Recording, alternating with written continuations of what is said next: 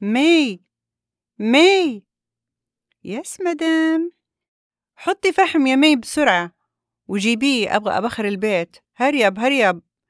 بيجونا ضيوف بعد شوي وإحنا لسه ما بخرنا. Okay madam.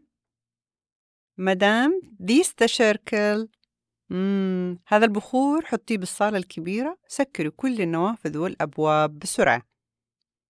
أوكي مدام. لا لا لا لا مو كذا. ويلا نبدأ.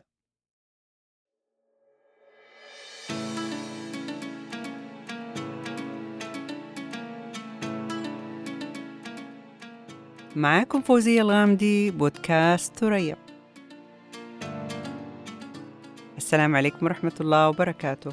أسعد الله صباحكم ومساءكم بكل خير أينما كنتم. كلنا نحب البخور وأنا من عشاق العود. بس وضعه بكميات كبيرة مع الإغلاق التام خطر خطر يا جماعة.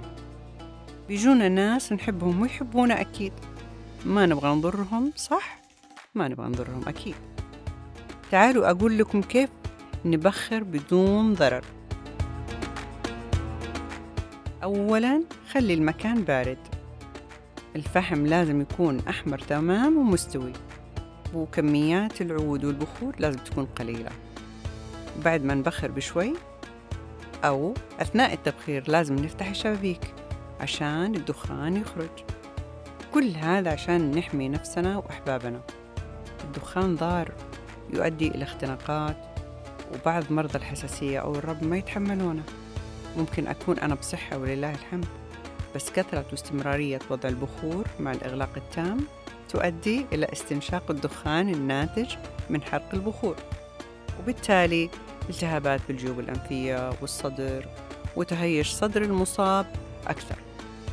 ولأننا جميعا نتمنى الصحة للجميع ولأن هذه عادة جميلة ما نبغى نفقدها. كلنا نحبها لازم نخفف من الضرر الناتج عنها.